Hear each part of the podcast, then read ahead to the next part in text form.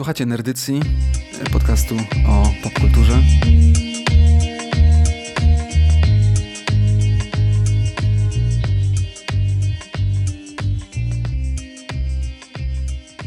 Ja nazywam się Damian i jest ze mną Kuba.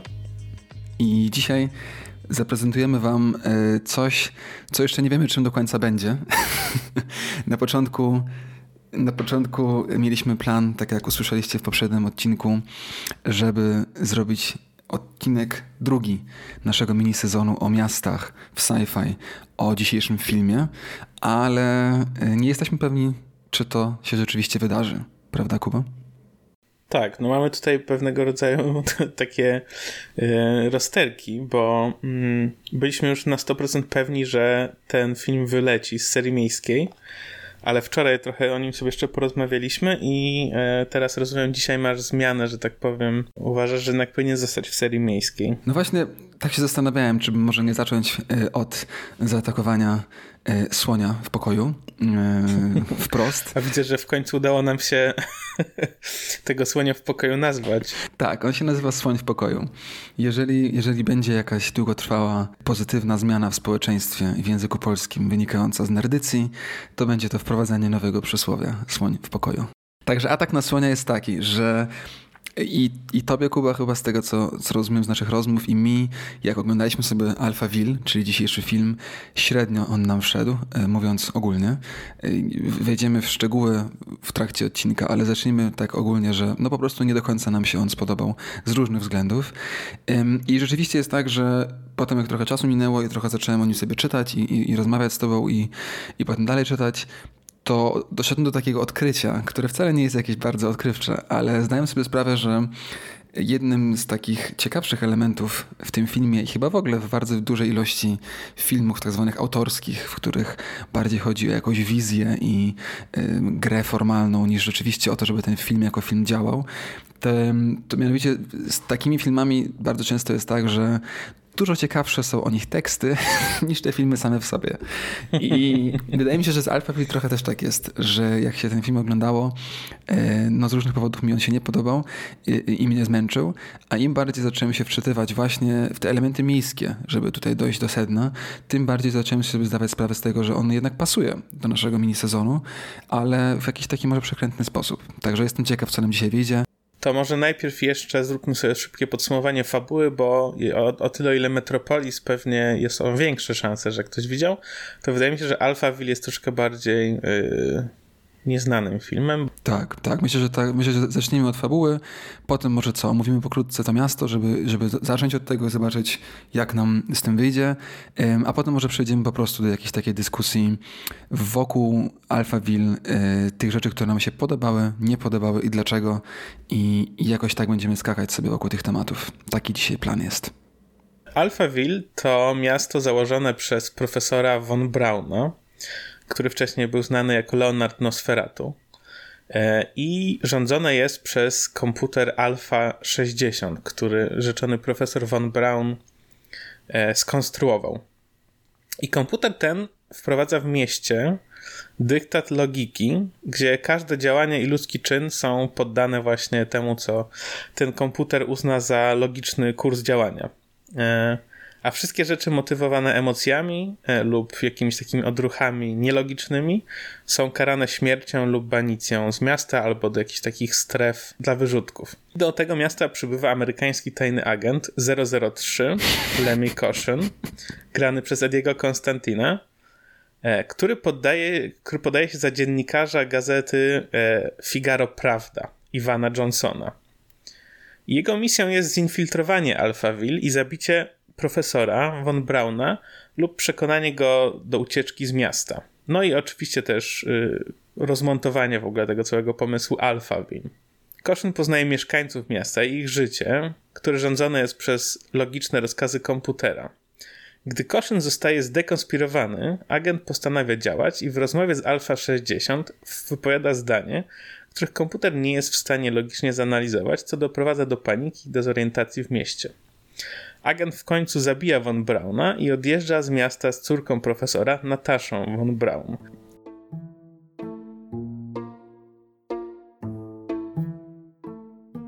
to może zacznijmy trochę od kontekstu.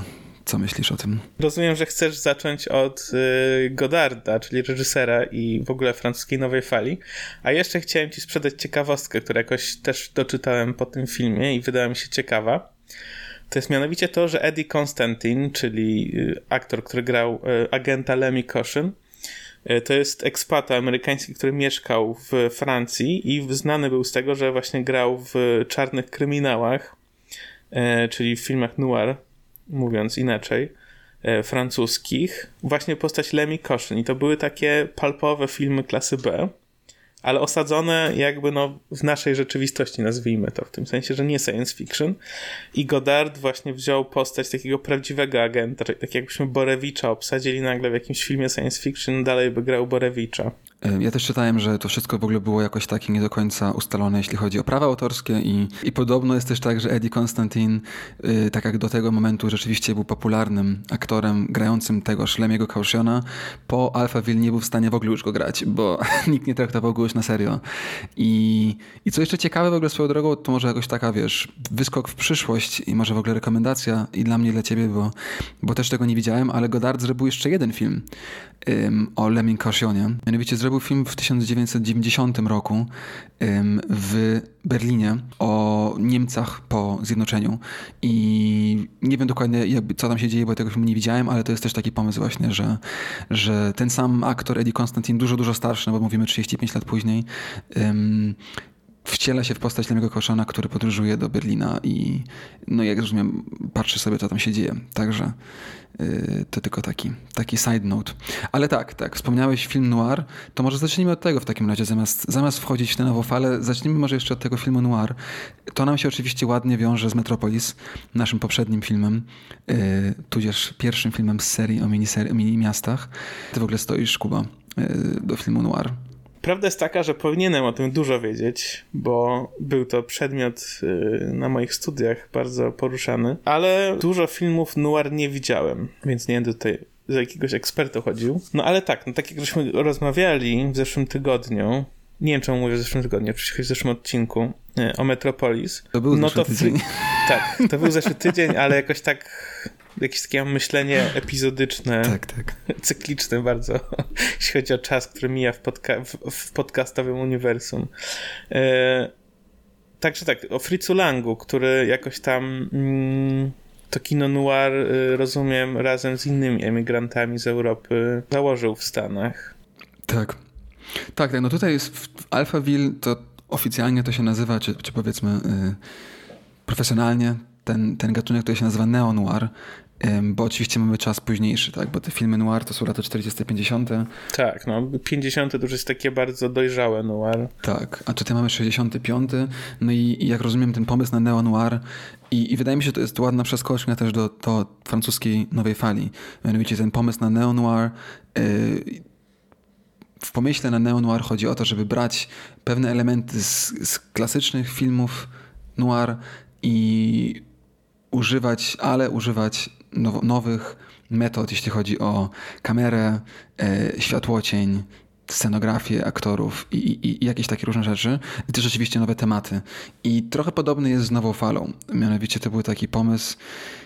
Nie wiem, trochę, trochę mam problem z tą nową falą w naszym podcaście dzisiejszym, szczerze mówiąc, bo chyba nie, nie ma, yy, zaryzykowałbym stwierdzenie, że nie ma bardziej przeintelektualizowanej i yy, akademicko rozdrobnionej rozdrobnionego okresu filmowego niż ta nowa fala, więc wydaje mi się, że na pewno dużo naszych słuchaczy wie dużo więcej i, i głębiej od nas o tym okresie, więc też może nie wchodźmy w to jakoś głęboko. Mhm. Ale żeby też trochę tego, tego Alphaville i tego Godarda obronić, yy, trzeba chyba trochę jednak to, to tak zobaczyć, ponieważ po pierwsze jest tak, że Nowa fala to są lata 60., czyli między tym de facto po prostu 10 lat między 1960 a 70. Można by tak uznać, że to jest ten moment, w którym francuska nowa fala, czy twórcy francuskiej nowej fali mm, tworzyli filmy.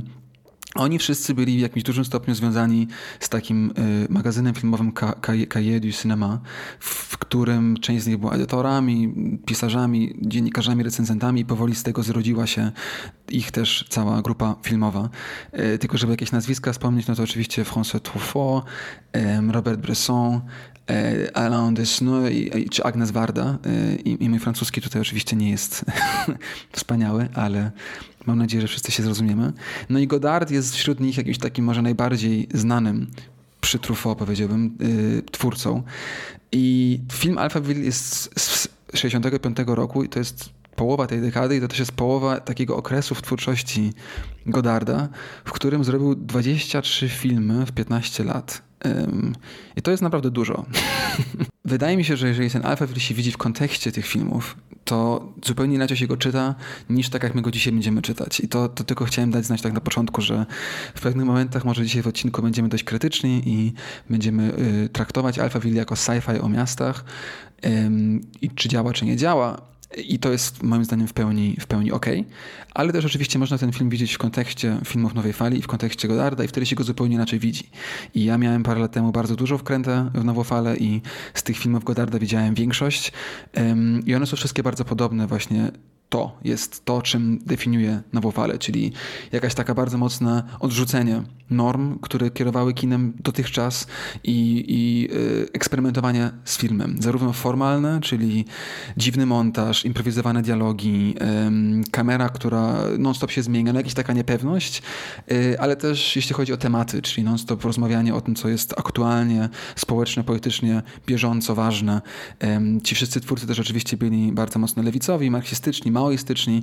Mówi się też, że część z tych filmów przewidziało 68 rok, jakieś takie różne tezy się pojawiają. W to nie będziemy wchodzić. Istotne jest to, że jest to okres bardzo, bardzo twórczy, yy, kreatywny i produktywny wszystkich tych twórców. Także tych filmów jest kilkadziesiąt w, w ogóle z tej nowej fali i one są dość różne, czasem są podobne, ale z tego kontekstu Alphaville na pewno jakoś tam wystaje właśnie dlatego, że jest jakimś takim sci-fiem, tak samo jak y, Fahrenheit 451 yy, Trufota. I, I to chyba tyle. No. No dobra, Kuba. Także wiemy, gdzie się znajdujemy, jeśli chodzi o kontekst, co zostało powiedziane, miejmy to z tyłu głowy, ale wejdźmy teraz w temat nasz pierwszy dzisiaj, czyli miasto w Alphaville. Co, co może powiesz, yy, jakoś tak zacznijmy ogólnie, co cię najbardziej, nie wiem, zaskoczyło? Pozytywnie. Zacznijmy pozytywów na, na razie. Okej, okay, staram się w takim razie odkleić wszystko, tą nakładkę tekstów, które przeczytałem o tym filmie, od tego, jakie miałem wrażenia pierwotnie, chociaż jest to trudne, już się troszeczkę zlewa. E, no ale tak, moje pierwsze wrażenie z tego, co pamiętam, jak żeśmy rozmawiali, to było, że tego miasta tam nie ma e, w tym Alphaville, że to jest raczej taka konstelacja jakichś e, pomieszczeń i wnętrz, które są połączone na jakiejś takiej czarnej mapie e, nie wiadomo, bezkształtnej podróżami samochodem albo jakimiś innymi środkami transportu. W każdym razie tego miasta dla mnie tam nie było. No ale potem, potem e, zacząłem troszeczkę czytać tych tekstów, które nam, które nam sprezentowałeś. E, no i zdaje się, że taki był zamysł. Tak. że ten Paryż e, w momencie, kiedy Godard kręcił ten film, przechodził jakąś bardzo dużą transformację, modernistyczną właśnie. I te budynki, wszystkie, które widzimy w filmie, to są właśnie te, te budynki z tej nowej fali. E, nomen omen, z, z nowej fali e, budownictwa tego modernistycznego które dla nas też już troszeczkę wygląda tak samo dziwnie, jak dla ludzi w latach 60. wyglądało futurystycznie albo dziwnie. Tak, no ale to już nie, nie, nie wyskakujmy za daleko e, w przyszłość tej dyskusji, żeby nie zdradzić wszystkich naszych e, ukrytych argumentów ciekawych. E, ale tak, tak, zgadzam się z tobą. Ja też miałem takie wrażenie, że, że wybraliśmy go dlatego, że miało być dużo miasta w nim i, i jakoś to rozumiem jeszcze w ogóle powiązania z Metropolis, a tego miasta było bardzo mało. To, czego, tego, tego, czego też było mało, co mnie zaskoczyło bardzo mocno, było to, że nie było żadnych elementów typowych, jeśli chodzi o scenografię sci-fiową, prawda? Że, y, no nie wiem, nic, co jakby tak się kostiumy, jakieś lasery, no cokolwiek, co jakoś, wiesz, nawet najprostsze jakieś elementy typu latające samochody, nic takiego nie było. Mamy po prostu, y, no obraz Paryża w 65 roku bez jakichkolwiek tak, tak. dodatków. Tak. tak. by się wydawało. Też tutaj oczywiście mówię o pierwszym wrażeniu. Dobra, no ale to myślisz, że z, z, z, czego wynika ta decyzja? No bo raz oczywiście pewnie z braku środków hollywoodzkich na specjalne efekty, no ale dwa pewnie, pewnie jest, jakaś, jest jakaś inna przyczyna, dlaczego można by chcieć osadzić film science fiction e, w znanym, nieznanym, w znanym, nieznanym środowisku. Tak. Tak, no tak jak powiedziałeś, myślę, że już y, zahintowałeś nam tutaj te trzy, trzy, główne powody, które ja też jakoś rozpoznaję. Pierwszy oczywiście bardzo formalistyczny, czyli y, nowa fala, mało pieniędzy, ma być amatorsko, mają być amatorzy, aktorzy, improwizowane dialogi i tak dalej, i tak dalej, także tylko słusznie jest robić film sci-fi, który nie, nie łamie tradycję sci-fi. Y, ale to chyba, chyba nie tylko to. No, oczywiście też jest Paryż, który tutaj już się pojawił i myślę, że to jest to, co wspomniałem na początku, że jak się trochę zaczyna człowiek czytać o tym wszystkim, to ten Paryż nagle staje się tym najbardziej ciekawym elementem. I, i tak jak powiedziałeś, zmiany w Paryżu. Paryż oczywiście, który jako miasto e, wytworzone w, na fali tak zwanej emergencji, czyli, czyli oddolne e, rejony miejskie zaczęły powstawać i tworzyć miasto, aż do momentu, kiedy w połowie XIX wieku słynny baron Haussmann e, całkowicie, no de facto zburzył to miasto i zbudował je na nowo w taki sposób, jak wszyscy wiemy, żeby zapobiec, zapobiec kolejnej rewolucji. I, I to było takie do końca no, przez wiek tak naprawdę. I w połowie XX wieku, czyli tu, gdzie się teraz znajdujemy, w czasach de Gaulle'a, Paryż na nowo został zmieniony. I dwa takie ważne nazwiska, które się pojawiają, czy to jedno główne to Le Corbusier, czyli, czyli ten ojciec modernizmu w architekturze. I to jest coś, co, co jest tym, tym drugim elementem dla mnie. I do tego też, to, to też wejdziemy. No i oczywiście trzeci element taki, no to jakaś taka metafor, metaforyczność tego wszystkiego, tak, że, yy, no, że przyszłość już tu jest, tak, że de facto znajdujemy się w świecie przyszłości, yy, więc nie ma potrzeby dodawać niczego innego do niego. To były jakieś takie trzy moje pomysły, które mi się pojawiły w związku z mhm. tym. Tak, no jeszcze jest y, czwarty, mi się wydaje, pomysł. Mianowicie y, stworzenie takiego efektu, wzmocnienie efektu przekazu filmu, czyli osadzenie y, jakiejś dystopijnej wizji świata w y, niezmienionym praktycznie w niezmienionej powiedzmy scenografii miejskiej, no właśnie nie scenografii, tylko w niezmienionym pejzażu miejskim, e, no też jakby zwiększa moc przekazu, w tym sensie, że ta rzeczywistość dystopijna może być w tej przestrzeni, która istnieje. Mm -hmm, w tym sensie, że to nie musi być Mars albo 100 lat w przyszłość, tylko to może być ten moment i to miasto i to społeczeństwo. Tak, no tak, to, to, jest, to jest trochę to, co miałem na myśli właśnie. To, to też tak, wydaje mi się, to jest ciekawe i no nie wiem, moim zdaniem działa, że z tym pomysłem właśnie, że ta, ta rzeczywistość tych lat 60. jest niejako już przyszłością i to jest też ta, ten przekaz tego filmu. Y, no bo trochę jest tak, że w ta opowieść w tym filmie ten Lemmy Caution, który przyjeżdża do y, Alphaville, czyli tego miasta w innym galaktycznym tworze, podobnym do, do, do Ziemi, jest kompletnie wyrwany z tej rzeczywistości. I pomimo tego, że tej architektury nie jest tam tak dużo wcale w tym filmie, to jednak te parę scen, w których widzimy y, blokowiska, mosty, przeszklone biurowce i tak dalej. No jest trochę takie wrażenie, że, że człowiek obeznany z jakimś takim bardziej klasycznym miastem, szczególnie klasycznym Paryżem, nagle, gdy znajduje się w tego typu mieście, tego typu Paryżu, no trochę czuje się jak alien, no? trochę czuje się jak obcy w innej planecie. Takie miałem trochę wrażenie, że, że, że, że jest coś w tym. I tak samo dzisiaj, tak jak jeżeli się pójdzie, no już nie mówię, żeby pojechać do Paryża, też tak jest oczywiście, jak się pojedzie do, do La Défense, ale nawet wiesz, w Polsce, tak jak czasami są takie nie wiem, ja tak mam z Ursynowem na przykład, gdzie, gdzie, gdzie żyłem jakoś, jakiś czas, jak byłem, jak byłem dzieckiem i jest trochę tak, że ten Ursynów, szczególnie ten zielony Ursynów, ma w sobie coś takiego, że z jednej strony wydaje się być bardzo, bardzo nowoczesny, bo był na dawne czasy, ale też wydaje się bardzo przestarzały, no bo te blokowiska, jeżeli nie są odnowione, to się rozpadają, jeżeli są odnowione, to są różowe i, i okropne. I, jest jakaś taka, takie uczucie wyrywania architektonicznego, że ani to nie jest przyszłość, ani przeszłość i czujesz się jakieś wyobcowane. Nie wiem, czy to ma sens. No rozumiem, to jest taki, a propos słonia w pokoju, którego można atakować, to myślę, że jest problem z przepracowaniem architektury komunistycznej. Z jednej strony y, jakoś ona naznacza ten teren nasz, a z drugiej strony niektóre środowiska jej nienawidzą, inne ją kochają. Jest takie nie wiadomo co bardzo, co z nią zrobić. To jest tak zwany gorący ziemniak, wprowadzając, tak. wprowadzając kolejne powiedzonko. Ale, ale zgadzam się z tobą, ale jednak jest, wydaje mi się, jakaś taka znacząca różnica między Pałacem Kultury czy Nową Hutą, a mhm. ym, właśnie takimi blokowiskami modernistycznymi. No nie wiem. Ja wszystkie je lubię i w ogóle modernizm, modernizm bardzo, bardzo lubię. Ym, także co, co, co, co, co o tym jeszcze, Kuba, myślisz? Jak to ci w ogóle weszło, powiedz? Ten Paryż właśnie nowoczesny, który trochę się przewija w Alphaville. Co, tak jak mówię, tu mam z, z tym filmem o tyle problem, że trochę mi się już pomieszały moje wrażenia, trochę mi się pomieszało to, co mm, tak jak powiedziałeś na samym no, początku, wejdźmy, że, te filmy, że te filmy są ciekawe, jak się teksty o nich czyta, nie jak się ogląda. I to jest ich największy problem. E, no bo wiesz, ale e, no i mam problem z tym, co mi się naprawdę podobało, jakie były moje wrażenia, a co przeczytałem i uznałem, że to jest ciekawe. E, no ale tak jak mówię, dla mnie tego miasta tam niewiele było. No, mm. były, te, były takie widoki, były, były widoki pojedyncze, ale głównie wszystko działo się nocą. I tak jak mówisz, ze względu na formalne, formalny charakter tego filmu też nie było dodatkowego doświetlenia, więc te wszystkie pejzaże były ciemne.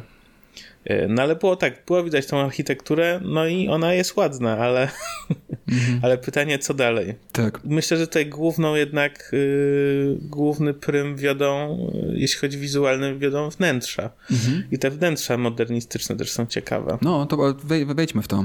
Y, wejdźmy do tego budynku, otwórzmy drzwi i wejdźmy do wnętrz. Jakie wnętrze zapamiętałeś? Jakie wnętrza? Co głównie z tego, co y, główną taką sceną, którą teraz mam w głowie, to jest y, moment, w którym Lemmy Koczyn przychodzi do pracy Nataszy von Braun mm-hmm. i oni tam chodzą po jakimś takim budynku, ale nie wiem na ile to jest sens opowiadać ludziom, którzy nie widzieli tego filmu. Mm-hmm. Tak, no ja pamiętam też, to prawda, ja pamiętam też taką jedną scenę, która mi się bardzo spodobała, to był, to był komputer, to było wnętrze komputera, Alfa 60, ym, tak, w którym y, ta, takie taśmy magneto, magnetofonowe, czy jakkolwiek, co, cokolwiek to były za taśmy, się kręcą i, i to wszystko miało taki jakiś vibe um, Odysei kosmicznej trochę. Troszkę, ale jeśli jesteśmy już przy komputerze Alpha 60, y, to y, jak, co, co ty uważasz w ogóle o tym, jak on był przedstawiony? Mnie potwornie zmęczył. to poczekaj, to opowiedz jeszcze dokładnie, co cię zmęczyło. Bo powiedz, powiedz, opowiedz trochę, jak on był przedstawiony dla ludzi, którzy nie widzieli e, filmu. Dla mnie był strasznie męczący ten komputer, dlatego, że Godard wybrał na głos komputera aktora, który miał usuniętą krtań, więc mówił przy taki, po, przy pomocy takiego urządzenia specjalnego. I ten głos był potwornie męczący i taki nienaturalny, co rozumiem było celowym zabiegiem. Alpha 5. Quel est votre nom? Tak, ja tak samo. Zmęczył mnie ale znowu, jeżeli byśmy chcieli wchodzić w obronę, no to chyba też o to chodziło, prawda? Także można powiedzieć, że, że zadziałało. Bo mam wrażenie, że tak. oczywiście było to celowe, żeby pokazać ten y, twór komputerowy, który działa tylko i wyłącznie wzdłuż żelaznych zasad logiki, zero emocji i wszystko przemyślane i zaplanowane no w jakiś taki jak najbardziej obcy dla nas i męczący y, sposób. I ten głos, on był, on też w ogóle był, nie wiem czy to tylko w mojej wersji filmu, ale on w ogóle był dużo głośniejszy od wszystkich innych, miałem wrażenie, dźwięków. Także nagle jak on się pojawiał, to, to w ogóle było głośno w pokoju tym głosem tego Alfa 60. Y, on był męczący. On był męczący.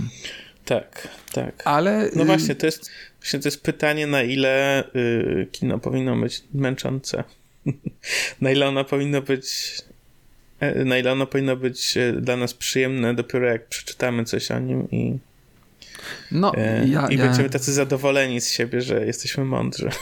Tak, no ja będę tutaj bronił zaciekle, że y, sztuka w ogóle powinna być męcząca i krytyczna, polityczna i wyzywająca. Y, ale oczywiście też są dni, kiedy nie mam na to ochoty. I Alphaville na pewno oglądałem w momencie takim właśnie momencie, że nie do końca miałem na to ochotę, ale żeby jeszcze obronić ten Alfa 60 troszeczkę, oprócz tego, że był męczący, jednak był całkiem ciekawy, mam wrażenie. Jako taki moment, tak jak wspomnieliśmy już, Odyseję kosmiczną, HAL 9000 y, pojawia się parę lat później. Nie wiemy, tutaj też rozmawialiśmy przed tym y, też z Gośką, nie wiemy na ile to było zainspirowane, na ile nie było zainspirowane, ale, ale no jest to jakiś ciekawy, jest to jakiś ciekawy element. Y, jeżeli by jeszcze wrócić do architektury, to na pewno, tak jak mówię, podobało mi się architektonicznie rozwiązanie tego komputera. Te pokoje takie do nagrywania, no trochę jak radio, w których y, podejrzani o popełnienie y, zbrodni, zachowań nielogicznych rozmawiają z komputerem, żeby się obronić i no nie wiem, trochę miałem takie wrażenie, że Alpha 60 jest kolejnym elementem modernizmu, y, tylko że w tych wnętrzach, wiesz o co chodzi? Że mhm. tak. Okej, okay, no chyba, y, chyba to nie jest tajemnica, że te Alphaville mały do niego taki stosunek ambiwalentny, co najmniej. Tak. Y, ale pierwsze wrażenie i u ciebie i u mnie było takie, że nam się ten film nie podobał. Mm -hmm. Więc wykorzystajmy ten moment, żeby sobie porozmawiać, dlaczego nam się nie podobał ten film. No, mi na pewno nie pomogło to, że trochę z, z, przeszła mi po prostu wkręta nową falę i trochę to jest tak, jak coś ktoś kiedyś bardzo lubił, po czym trochę przestał i nagle do tego musi wrócić. Wiesz, co mam na myśli? Yy, I to było parę lat temu i, i jakoś y, jak zaczynałem y, studiować film, to, to właśnie miałem całe, całe zajęcia o, o tej nowej fali. Jakoś miałem to dużo wkrętę i od tego czasu trochę przestałem i nie oglądałem nic i trochę zapomniałem, wiesz, że to jest trochę inne, inne doświadczenie oglądać te filmy mhm. niż zwykły film. No tak, bo ten film się znajduje na wielu listach najlepszy science fiction albo najlepszy science fiction na mieście, może dlatego, że nie ma dużo tych filmów, ale no tak, on się przewija na różnych listach, top listach tak zwanych, które są teraz bardzo popularne. Nam się nie spodobał, mam wrażenie, trochę z tych podobnych względów, oprócz tych, tych ogólnych, które już wspomnieliśmy, e, których ciągle nie, nie, nie, nawet nie doszliśmy do nich jeszcze, także może po prostu wejdźmy w to. E, tak, no może nazwijmy, nazwijmy. nazwijmy wszystkie te sfery, które są jakieś tam dla nas nieciekawe i potem sobie porozmawiamy o nich. Tak. No dla mnie na pewno postać Lemiego była męcząca i w tych wszystkich um, recenzjach i top listach ten film opisywany jest jako pastisz, albo komedia, albo czarna komedia. E, no i nie wiem, czy to po prostu jest czas, czy kontekst. Ja tego w ogóle nie widziałem. Dla mnie on w ogóle nie był śmieszny, czy jakby nie był, nie był parodią, tylko e, kolejnym, element, kolejnym filmem, który wzmacnia właśnie takie po, po, postaci y, alfa samców, supermęskich mężczyzn, y, którzy rozwiązują y, wszystkie problemy y, z piąchy w nos i kobiety za nimi latają. Także to było coś, co wydało mi się no naprawdę w kontekście 2020 roku przestarzałe i no niedziałające. No tak, też miałem takie wrażenie o tym Lemim, że y, tak naprawdę jeśli chcesz kręcić y, pastisz czegoś, to ta postać nie może brać siebie totalnie na poważnie. Musi być jakaś y, udziwniona y, albo skwirowana, jakbyśmy mogli nawet powiedzieć. A tutaj mi się wydawało, że to był po prostu y, detektyw. Taki hard-boiled masculinity mm -hmm. prosta. Z, z, takich opowieści hard-boiled, czyli właśnie o y, detektywach którzy są takimi indywidualistami, e, bardzo właśnie alfa męskimi. Oczywiście są biali, bo tutaj mówimy też o kontekście Stanów Zjednoczonych. Są biali, są w takim mieście, które jest dżunglą i każdy tutaj walczy za siebie, ale za to, ale mimo wszystko, że są takimi, wiesz, mimo że są indywidualistami, którzy dbają tylko o siebie, to mają taki twardy kod, etos i trzymają się go nieważne co. I wydaje mi się, że w tym filmie nie było ani jednego momentu, w którym Lemmy nie brał siebie na poważnie albo jakoś pokazywał krytykę tego, tak. te, tego modelu. Tak Więc jest. Y, nie wiem skąd tutaj się bierze pomysł, że to jest pastisz. No właśnie, no chyba właśnie z tego kontekstu, że jak się spojrzy na te filmy Nowej Fali, to to pewnie to lepiej działa, ale jak się ten film wyciągnie z kontekstu i tak obejrzy, jak my go obejrzeliśmy, jeszcze w momencie czasowym dzisiaj, 50, 50 lat później, um, prawie 60 lat później, to po prostu nie działa i też tego nie czułem. Um, jeszcze więcej, no, ten, nie wiem, czy to, to też wyczyta, wyczytałeś, Kuba, ale Alphaville na początku miał, miał inny tytuł e, mieć. Mianowicie miał się nazywać Tarzan versus IBM. I... Bardzo by pasował do tej stylówki Leonard Nosferatu. Tak, tak. No i właśnie wydaje mi się, że może gdyby to zostali przy tym i poszli bardziej w kierunku takiego naprawdę, wiesz, ekstremalnego przeskalowania, no to rzeczywiście mógłby być pastisz, ale tak jak mówisz, on był mega serio, miał, wyglądał super cool, po prostu to, było, to, było jego, to był jego styl, no? że wie, znał tak, odpowiedzi. wszystkie atrybuty miał prochowiec, tak, kapelusz, miał kapelusz, pistolet, pistolet dobrze, się, dobrze się bił. Samochód. Miał kamerę, robił yy. zdjęcia. Yy, no, generalnie po prostu był archetypem takiego, takiego alfa samca detektywa, tak jak mówisz. Yy, no i to jest coś, co mam wrażenie niestety w ogóle trochę się przewija w kinie fantastycznym. Nadal też. Czyli to taki pomysł na no, no jednak teraz umieśnionych, kiedyś nieumieśnionych, ale dobrze wyglądających kolesi, którzy wiedzą więcej i wiedzą, co jest dobre i nigdy się nie mylą. I to jest coś, co mnie zawsze, zawsze męczy, szczerze mówiąc, w tych filmach. Tak, no to jest takie bardzo konserwatywny pomysł na to. Ale to wiesz, to gdzieś jest taki doku, film dokumentalny Tough Guys. Mhm. Maska twardziela po polsku. No bo guys to jest albo właśnie oblicze, albo chłopaki. Y, fonetycznie jest zapisane guys jako maska mm. albo oblicze. No i tam jest takie, taka teza postawiona właśnie, że w latach 80. nastąpił taki zwrot mocny właśnie w stronę y, taką bardziej męsko alfa y, umieśnioną i że można zauważyć jak po prostu z dekady na dekadę postaci w filmach science fiction takich akcji stają się coraz większe, coraz bardziej umieśnione i coraz bardziej takie no bo wcześniej one były alfa, ale były takie wiesz, w takim patriarchalnym modelu alfa w sensie ojca rodziny, nie? Że tak. byli tacy bardziej mm, doniośli, wiesz o co chodzi. Tak, tak. A w latach 80. zaczęli się zmieniać w takich bardziej umięśnionych, w sensie te atrybuty męskości zaczynały być coraz bardziej na zewnątrz, fizyczne. Tak, no i oczywiście nie ma nic bardziej ekstremalnego niż y, całe Marvel Universe i ostatnie 10 lat filmów o super, superherosach, wszyscy są po prostu ogromni. I to jest coś, co na pewno też, jak będziemy robić odcinek o, o superherosach, do tego dojdziemy. I też jest oczywiście ciekawe, że, że y, to chodzi zawsze o mężczyzn, że kobiety też stają się bardziej fit, ale w zupełnie inny sposób wizualny, prawda? Tak, no kobiety stają się mniejsze, bo tu chodzi też o pewną dominację, tak. czysto taką wielkościową. Dla mnie największym zdrajcą, jeśli chodzi o umięśnienie i o tą falę, to jest Chris Pratt, który zawsze dla mnie jest Endym z Parks and Recs. Tak. E, z którym się jakoś kiedyś identyfikowałem, a potem zostałem zdradzony i on się stał jakimś napakowanym typem. Tak. Tak, tak. No dobra, Kuba, ale to następnym powiązanym elementem jest oczywiście seksizm, który wiem, że ty też jak oglądałeś ten film, nawet pisaliśmy do siebie, bardzo cię też zmęczył w tym filmie. Tak, no. Aż sobie sapnąłem.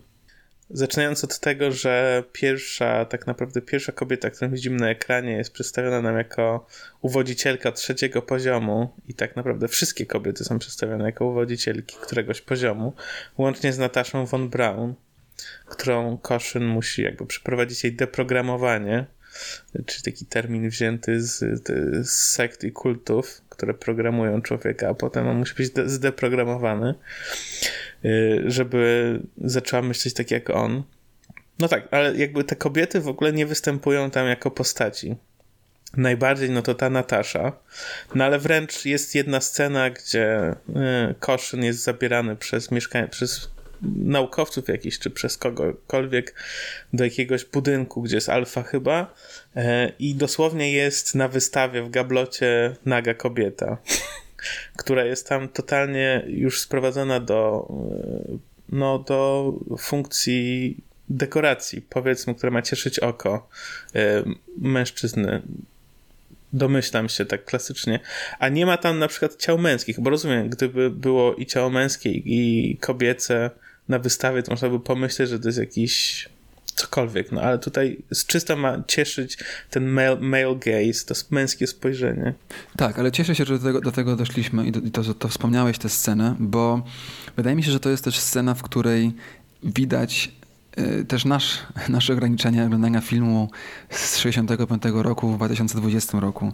Bo oczywiście, gdyby taki film dzisiaj zrobić i chcieć zawrzeć w nim krytykę um, seksistowskich reklam, czy no w ogóle po prostu problemu seksizmu w szeroko rozumianej kulturze popularnej, w piosenkach, w teledyskach, kinie, y, czy właśnie reklamach, to wiadomo, że byłoby to zupełnie inaczej pokazane. Tak jak mówisz, też byłby tam element męski yy, i tak dalej, i tak dalej. Ale znowu, żeby trochę może wejść w tą moją niespodziewaną dzisiejszą rolę yy, obrońcy tego filmu, który też mi się nie spodobał, ale jakoś tak dzisiaj czuję, czuję bardziej, yy, no nie wiem, przypomniała mi się moja wkręta w nową falę trochę i wiadomo, że o to chodziło, tak? Wiadomo, że to był jakiś taki pomysł już najbardziej sztampowego pokazania, no i wyrażenia krytyki do y, świata reklam lat 60., w których wszystko było sprzedawane ciałem kobiecym. I to, i, i to już było w tym scenie, w tym Alphaville właśnie jest ta kobieta w gablocie, która niejako wygląda po prostu jak rzeźba, ale jest żywą kobietą i jest jakiś taki pomysł na, na sprzedaż, sprzedaż jako seks i tak dalej. Mm, I to jest na pewno bardzo świadome i Godard też o tym wielokrotnie mówił i pewnie na tamte czasy w kontekście kultury francuskiej to było bardzo nowoczesne, może rzeczywiście krytyczne, ale zgadzam się z tobą, to nie działa i ten film niestety nie, nie, nie idzie w tym kierunku tak, jak powinien. I to jest, to chyba to w tym też się zgadzamy, że mógłby tam być potencjał, czy był potencjał na pewnego rodzaju rewolucyjność, czy może krytykę yy, antyseksistowską, yy, który trochę się pojawia od czasu do czasu, ale nigdy nawet nie zostaje w połowie wypowiedziany. Wiesz co, mnie yy, teraz mam taką refleksję na temat tego odcinka, że przynajmniej w przeciągu ostatniego kwadransu poruszyliśmy bardzo wiele takich olbrzymich tematów, yy, bo znowuż moglibyśmy porozmawiać o nagości tak. w kinie i nagości kiedyś nagości teraz, bo przecież nie każda nagość musi być koniecznie seksualizowana, prawda? To jest niestety to jest niestety purytańskie myślenie, y, jak już rozmawiamy o Stanach, to jest niestety purytańskie myślenie, które każdą nagość seksualizuje, prawda? Mhm. Y, a no, wydaje mi się, że tak jak jesteśmy znowu wyrwani z tego kontekstu i cały czas chyba powraca ten motyw, że niestety inaczej się ten film ogląda teraz, a kiedyś i że nawet nie mamy do, dostępu do tego, jak się mhm. kiedyś oglądało, no bo tak jak taką tezę stawiam, oczywiście, że jesteśmy zdominowani kulturowo przez pewien rodzaj patrzenia na świat przez Stany Zjednoczone. Mm -hmm. Tak, tak, na pewno. To, to, to masz rację i yy, i znowu, no, tak jak zaczęliśmy od tego, ten odcinek, sami trochę wpadliśmy w tę pułapkę, że te filmy są tak przeintelektualizowane i, i yy, no jakoś tam nadęte, że ciekawie się o nich mówi niż się je ogląda. No i tak też rzeczywiście jest.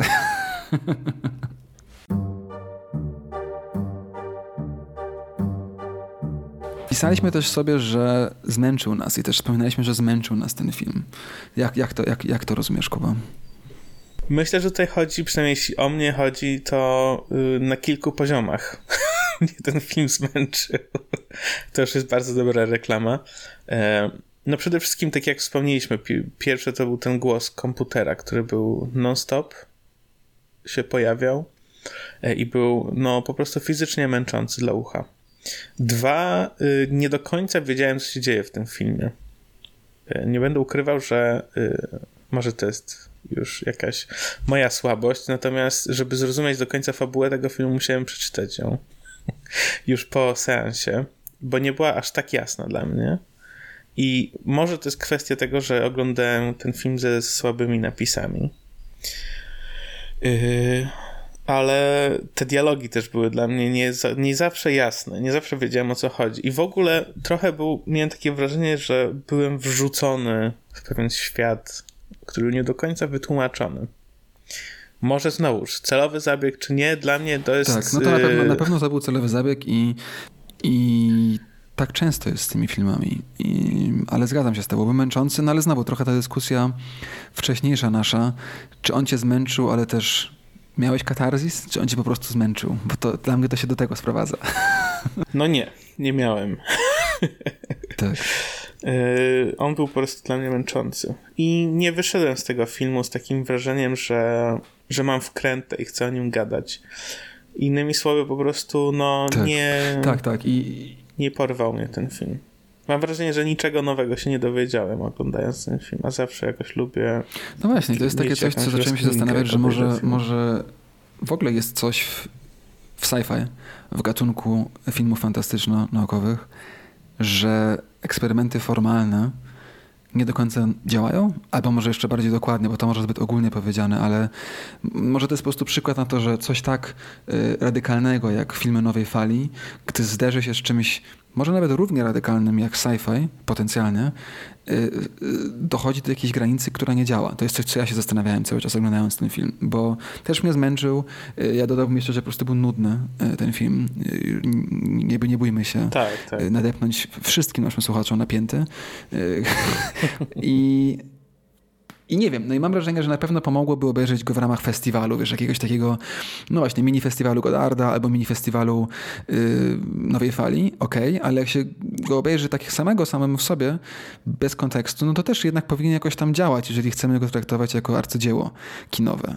Ym, no i może jest coś właśnie w tym, że, że Nowa Fala jako pomysł na film yy, improwizowany, amatorski i, i nowoczesny gdy zderza się z gatunkiem filmowym, który ma pokazywać y, nowoczesność, nie działa. I to mi się wydawało ciekawe. Dla mnie cały czas tutaj clue tego problemu jest to, na ile ten film jest filmem dla widza, a na ile to jest film dla krytyka. Mhm. Bo są filmy dla widzów, tak zwane popcorn manchery. Natomiast co, co, mam na myśli mówiąc filmy y, o, dla y, krytyka, to są filmy, które jakby oferują ci rozrywkę, ale oferują ci rozrywkę na takim poziomie, że jesteś zadowolony albo zadowolona sama z siebie, że dostrzegasz pewne powiązania i elementy, które są ukryte, a żeby je znać, to musisz mieć jakąś specjalistyczną wiedzę albo być bardzo dobrze oczytanym kulturowo. I, sobie, i, i dopiero w pewnym kontekście, jakimś takim bardziej zaawansowanym, akademickim, jesteś w stanie cieszyć się tym filmem. No nie wiem, szczerze mówiąc, Kuba, czy, czy się zgodzę z tobą w, w pełni, że tak, znaczy na pewno da się tak podzielić filmy, ale nie wiem, czy ja też je tak dzielę. Dla mnie film jako sztuka, ja trochę w ogóle tak mam ze sztuką, że jeżeli ktoś stworzy dzieło sztuki, które działa przynajmniej dla jednej osoby, to ono już jest dla mnie sztuką. W sensie, nie wiem, czy ma, ma to sens, co mówię, ale y, są filmy, czy obrazy, rzeźby, komiksy, książki, które nawet miliony ludzi może uznać za beznadziejne, ale są inne miliony ludzi, dla których dokładnie tego typu forma y, kulturowa działa. I trochę tak mam z filmami. I z filmami jeszcze mam dodatkowy taki element, że dla mnie bardzo ważny jest moment i kontekst oglądania. Są filmy, które pamiętam jako bardzo dobre, jako super filmy i też które pamiętam, że oceniłem sobie, wiesz, na, na IMDb jako genialne filmy. Potem oglądam je parę lat później i, i, i, i nie działa. I szczególnie tak mam właśnie z tym, co ty nazywasz Popcorn Munchers. Dla mnie na przykład filmy MCU, Marvela takie dokładnie są, że wszystko, powiedziałbym, że 80% czy mi się dany film spodoba, czy nie, zależy od tego, z kim go oglądam, kiedy go oglądam, w jakim kontekście, jaki mam nastrój i tak dalej, i tak dalej.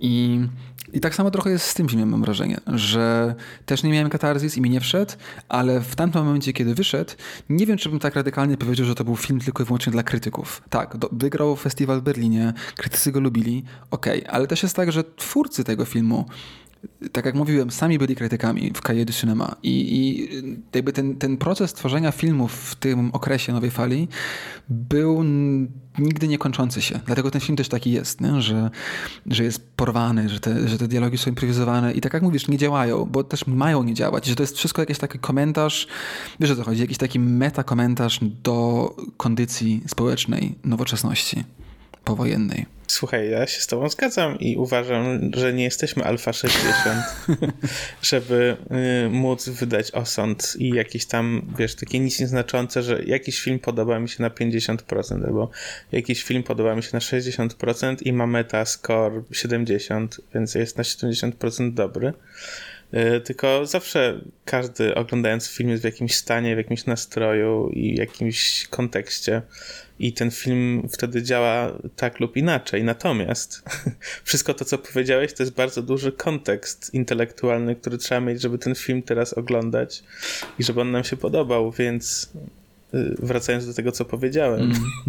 wydaje mi się, że w tym momencie przynajmniej ten film raczej y, no, już się nie ogląda tak łatwo i faktycznie my teraz możemy dyskutować o nim już ponad godzinę po przeczytaniu iluś tekstów na temat modernizmu, Paryża, nowej fali i tak dalej, e, co jest oczywiście ciekawym, tym, ciekawym zajęciem, natomiast będę dalej bronił swojej tezy, że y, ten film trochę mi nie działa. No. Mm. Znudził mnie i zmęczył. Tak. Nie, nie, ale myślę, że w pełni możemy się tutaj, wiesz, y, zgodzić, żeby się nie zgodzić, bo y, ja też jakby, też dla mnie on nie działa i też mnie znudził, mnie zmęczył, ale uważam, że no nie wiem, tak jak mówisz, to, że to dla mnie to są po prostu dwie niepowiązane rzeczy w jakiś tam sposób. I może dlatego, że mam jakoś tam bardziej w to, wiesz, akademicko wkręty, ale to, że on jest nudny i nie działa, to jest jakby na jego minus, ale to, że potem sobie poczytałem naprawdę ciekawe teksty i jakby dzięki temu odkryłem naprawdę fajne rzeczy i pokminiłem i miałem naprawdę ciekawe pomysły i godzinną rozmowę z tobą, która, która przynajmniej dla mnie jest bardzo ciekawa.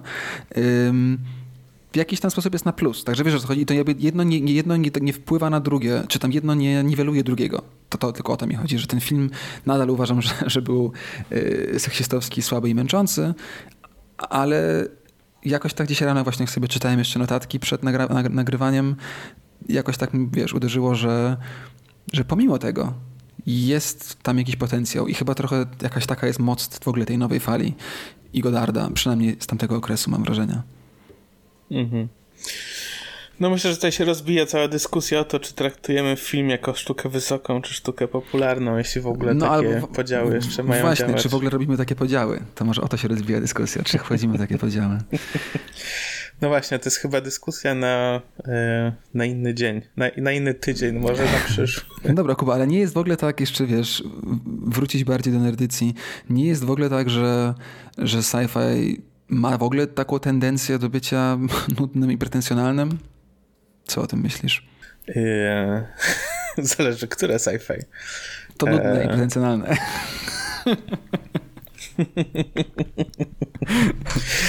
No właśnie mi się wydaje, że filmy sci-fi e, jakoś teraz mówię poczynając od, ale oczywiście myślę o okresie po II wojnie światowej, że to raczej były mm, zazwyczaj jakieś takie filmy akcji poniekąd klasy B w dodatku, które nie są, wiesz, nie są mainstreamowe i też są dla określonego widza i raczej się myśli, że to nie są poważne filmy, że są filmy dla dzieci albo dla nastolatków, albo dla, no już młodych dorosłych, ale na pewno nie dla pana profesora. No właśnie, ale czy to nie jest, do, do, tego trochę zmierzałem, żeby cię sprowokować, bo nie jest tak, że to jest w jakiś ciekawy sposób y, wprost proporcjonalnie odwrotny do tego, jak się traktuje książki sci-fi, Wiesz o co chodzi? Że jest mnóstwo autorów, y, y, Asymow, Lem, Philip K. Dick i tak dalej, którzy jakoś tam są traktowani jako wizjonerzy. Te książki są, wiesz, analizowane i są traktowane jako literatura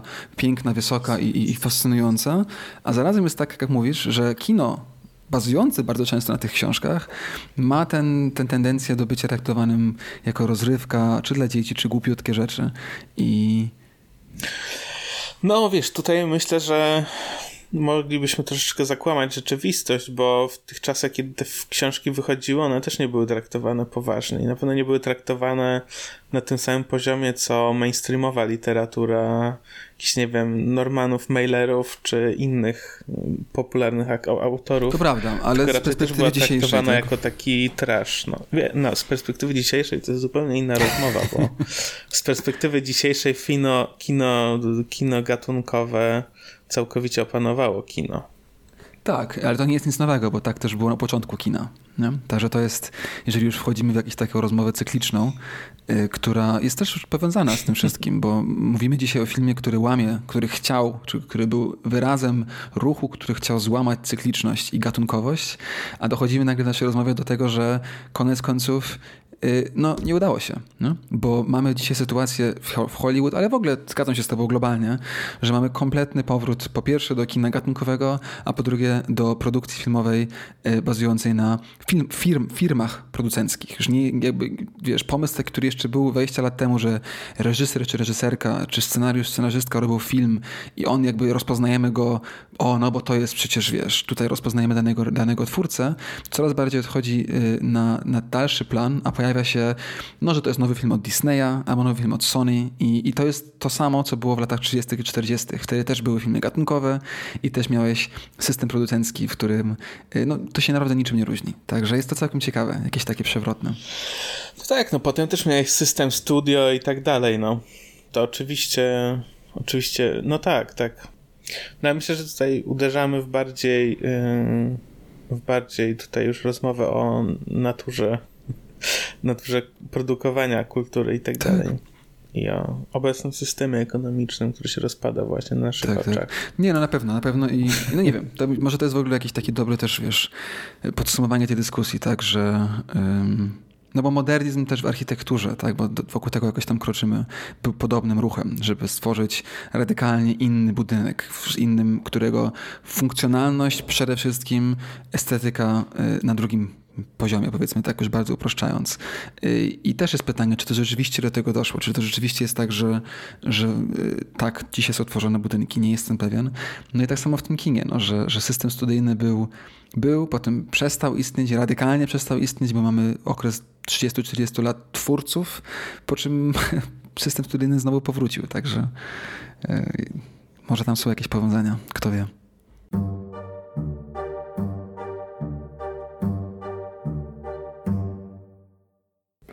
No to jest, jest jeszcze jeden element, którego nie poruszyliśmy, czyli technologia. Oczywiście ten film kręci się wokół tego świata równoległego AlphaVille, kontrolowanego przez, przez robota, komputer, logikę. Mm, no i ma to, to jest przedstawione nam bardzo jasno jako coś negatywnego, dystopijna przyszłość. Emocje przestają mieć yy, wpływ na życie ludzkie i nagle pojawia się ten obcy z zewnątrz Lemmy Kośn, który jako jedyny jeszcze czuje emocje i uczucia. I, i oczywiście on jest tym pozytywną postacią. Yy, I to wszystko jest jakieś takie bardzo czarno-białe, zero-jedynkowe. Yy, no nie wiem, co o tym myślisz?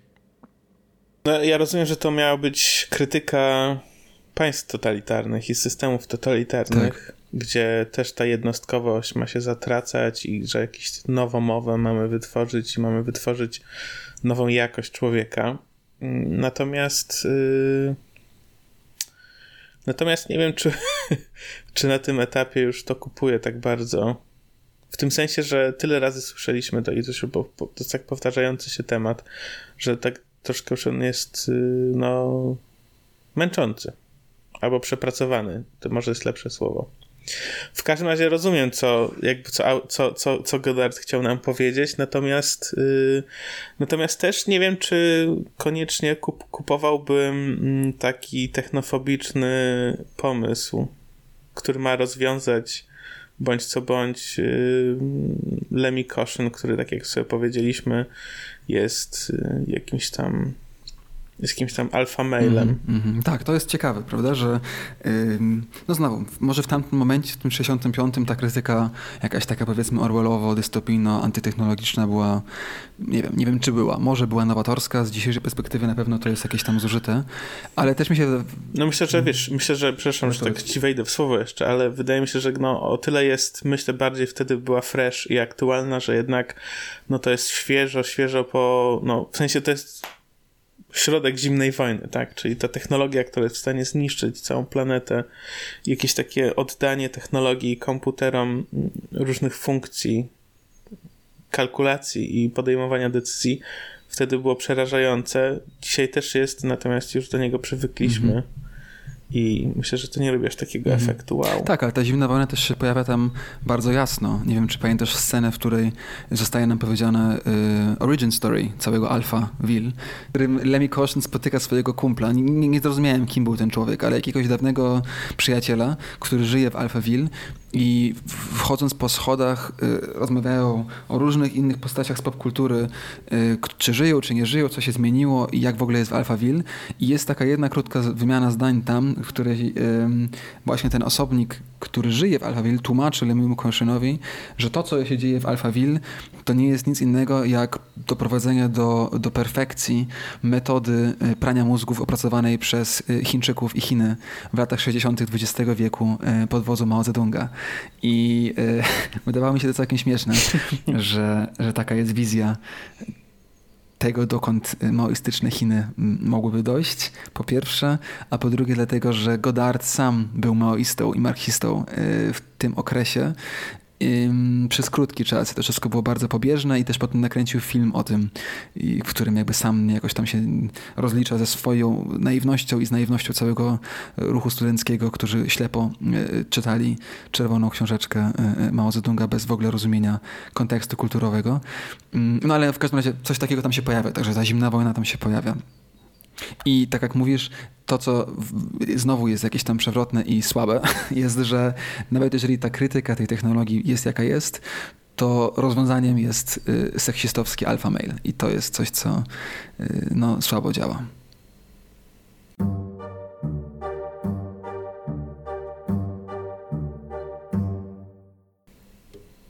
No dobra, Kuba, to co? Dzisiejszy odcinek może troszeczkę krótszy, chociaż Chyba nie. Um... Jeszcze nie udało nam się zrobić krótszego Zawsze się staramy. choć za każdym razem się staramy. To powiedz, y, co nam dzisiaj zarekomendujesz? Moja dzisiejsza rekomendacja jest y, filmem, który chciałem obejrzeć od bardzo dawna. Kolejny klasyk. E, więc znowu łamię podcastowy lore. I jest to Stalker. Mm. E, Andrzeja, Andrzeja, Andrzeja, jak się powinno mówić, Tarkowskiego. Mm. I jest to film długi, jest to film wolny, ale bardzo ciekawy i bardzo ładny. Mhm. I mam nadzieję, że kiedyś zrobimy o nim odcinek nerdycji. Ja też mam nadzieję. Możemy zrobić może nawet wręcz mini sezon. Kto wie. Mini sezon. No ciekawe, ciekawe. Ja polecę książkę dzisiaj w takim razie, na te czasy, w których może każdy z nas ma trochę więcej czasu na czytanie sobie książek na balkonie albo w pokoju. E, polecę Lema Polecek Lema ostatnią z książek, którą, której jeszcze nie czytałem. Właśnie sobie znalazłem ją na, na półce i zacząłem czytać Fiasko, czyli ostatnią powieść e, sci-fiową z połowy lat 80. E, Stanisława Lema i no co tu dużo mówić. Lem jak zawsze najlepszy. Także jest to książka, e, w której mamy do czynienia z jakąś taką wizją przyszłości. Jak zawsze dużo dyskusji filozoficzno-teologicznych i jest jeden rozdział bez wchodzenia w szczegóły fabuły, bez spoilerowania, ale jest jeden rozdział, w którym dochodzi do... jest opis e, uzyskiwania świadomości e, kogoś, kto tej świadomości nie miał z, z perspektywy pierwszej osoby i wydaje mi się to absolutnym arcydziełem literatury. Dobrze, i to był nasz odcinek. E, and that's our show. E, I to był nasz odcinek. No, trzymaj się Damian i trzymajcie się wszyscy. No, to trzymajcie się raz jeszcze i do usłyszenia.